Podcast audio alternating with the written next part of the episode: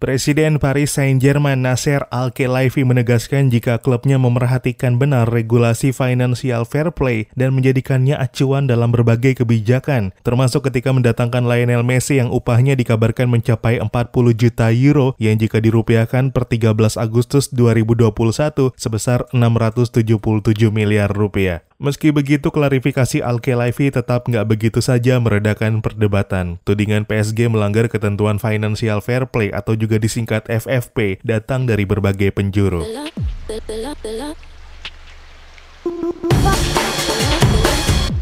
Halo dan selamat datang kembali di Papa Bola. Aturan Financial Fair Play diperkenalkan pada 2011, membatasi klub untuk membelanjakan uang sesuai dengan pendapatan mereka. Ketika aktivitas belanja melebihi ketentuan, klub bakal mendapat sanksi untuk nggak berbelanja di atas 30 juta euro selama 3 tahun berikutnya. Adapun pendapatan klub sepak bola biasanya bersumber dari tiket penonton, hak siar televisi, iklan penjualan pemain, serta hadiah kejuaraan. Pendapatan itulah yang kemudian diseimbangkan dengan pengeluaran klub meliputi transfer pemain dan gaji. Namun demikian, belum satu dekade sejak regulasi tersebut ditetapkan, UEFA mengambil kebijakan darurat menyikapi pandemi COVID-19 yang merebak 2020 lalu. Klub yang mencatatkan kerugian di atas 29 juta euro memungkinkan untuk lolos dari sanksi. Tapi itu juga berlaku selama klub bersangkutan bisa membuktikan bahwa kerugian tersebut memang disebabkan oleh pandemi. Meskipun kedatangan Messi sulit dijadikan pembenaran sebagai kerugian efek pandemi, PSG diyakini ini bakal memanfaatkan relaksasi tersebut untuk bisa lolos dari sanksi.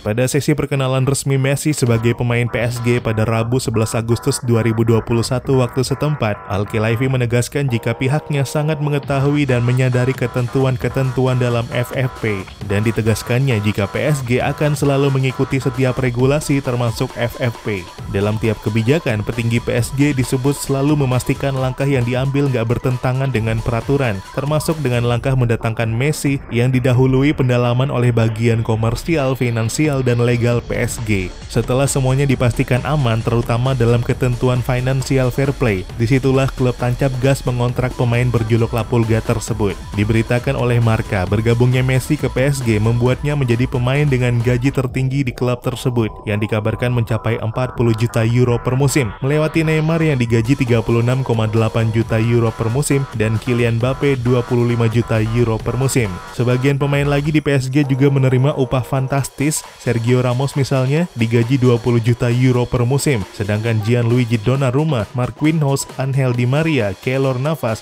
Presnel Kipembe, dan Mauro Icardi masing-masing digaji 10 sampai 15 juta euro. Yang mana jika semua pemain PSG digabungkan, maka bakal menghasilkan tagihan gaji mencapai 300 juta euro atau setara 5,07 triliun rupiah. Sebenarnya membayar gaji selangit untuk para pemain gak bakal jadi persoalan selama PSG masih mencatatkan revenue yang seimbang dengan total pengeluaran klub. Namun masalahnya masih berdasar pemberitaan Marka, PSG mengalami kerugian total sebesar 200 juta euro atau setara 3,38 triliun rupiah pada musim lalu. Yang mana hal tersebut membuat tagihan gaji PSG bakal nggak seimbang dengan revenue klub dan menyalahi dari segi aturan financial fair play. Terus kalau memang benar dari hitung-hitungan tersebut ketentuan financial fair play jelas dilanggar PSG, kenapa kontrak Messi akhirnya bisa diresmikan? Untuk menjawab itu, kita pahami dulu bahwa review financial fair play baru akan dilakukan pada akhir musim 2021-2022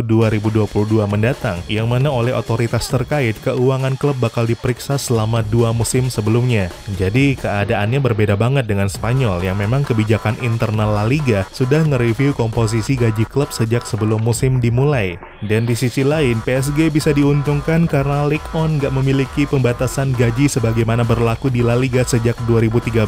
Masalah pembatasan gaji itu juga lah yang membuat Messi dan Barca harus berpisah. Apalagi setelah merebaknya krisis karena pandemi COVID-19. La Liga pun mengambil kebijakan melarang klub memiliki komposisi gaji 70% dari revenue mereka. Kondisi di Barca tanpa Messi pun komposisi gaji pemain sudah 95% dari total pendapatan mereka. Sedangkan kalau ditambah dengan kontrak Messi yang sempat disepakati, seperti disebutkan Presiden Barca, Juan Laporta beberapa waktu lalu, komposisi gaji bakal mencapai 110% dari total revenue Barca. Jadi sungguh diuntungkannya PSG berkompetisi di ajang yang gak memiliki regulasi seperti La Liga. PSG pun juga bisa mengambil keuntungan dari kebijakan financial fair play yang tengah mendapat relaksasi karena pandemi COVID-19 yang mana seperti sudah kami sebutkan, dengan relaksasi ini, klub yang mencatatkan kerugian di atas 29 juta euro memungkinkan untuk lolos dari sanksi FFP. Tapi itu juga sebenarnya berlaku selama klub bersangkutan bisa membuktikan bahwa kerugian mereka murni disebabkan pandemi. Dalam kasus PSG, kerugian karena gaji pemain selangit tentu bakal sulit dikaitkan dengan relaksasi tersebut, tapi tetap saja PSG diyakini bakal memanfaatkan kebijakan ini untuk menghindari sanksi FFP. Meski demikian, Nasir Al-Khelaifi dikabarkan juga ketar ketir kalau aktivitas klubnya kemudian ditetapkan melanggar FFP. Langkah antisipasi pun dikemukakan dengan rencana penjualan sejumlah pemain, bahkan yang cukup mengejutkan adalah dilepasnya Kylian Mbappe. Situasi di PSG konon tengah diamati dengan seksama oleh raksasa La Liga Real Madrid. Klub ibu kota Spanyol ini disebut-sebut melihat peluang untuk mendatangkan Mbappe pada musim panas ini juga. Real Madrid pun dikabarkan begitu yakin tawaran untuk Mbappe bakal sangat dipertimbangkan PSG, apalagi dengan kondisi gaji pemain yang harus diseimbangkan dengan keuangan klub. Di sisi lain, kontrak Mbappe juga berakhir 2022 dan belum ada tanda-tanda perpanjangan. Ketimbang kehilangan pemain 22 tahun tersebut dengan cuma-cuma Cuma, melepasnya musim panas ini dengan nilai menggiurkan tentu menjadi opsi yang lebih baik. Media Spanyol Cardenaser mengabarkan jika Real Madrid bakal menawar Mbappe dengan mahar 120 juta euro atau setara 2,03 triliun rupiah.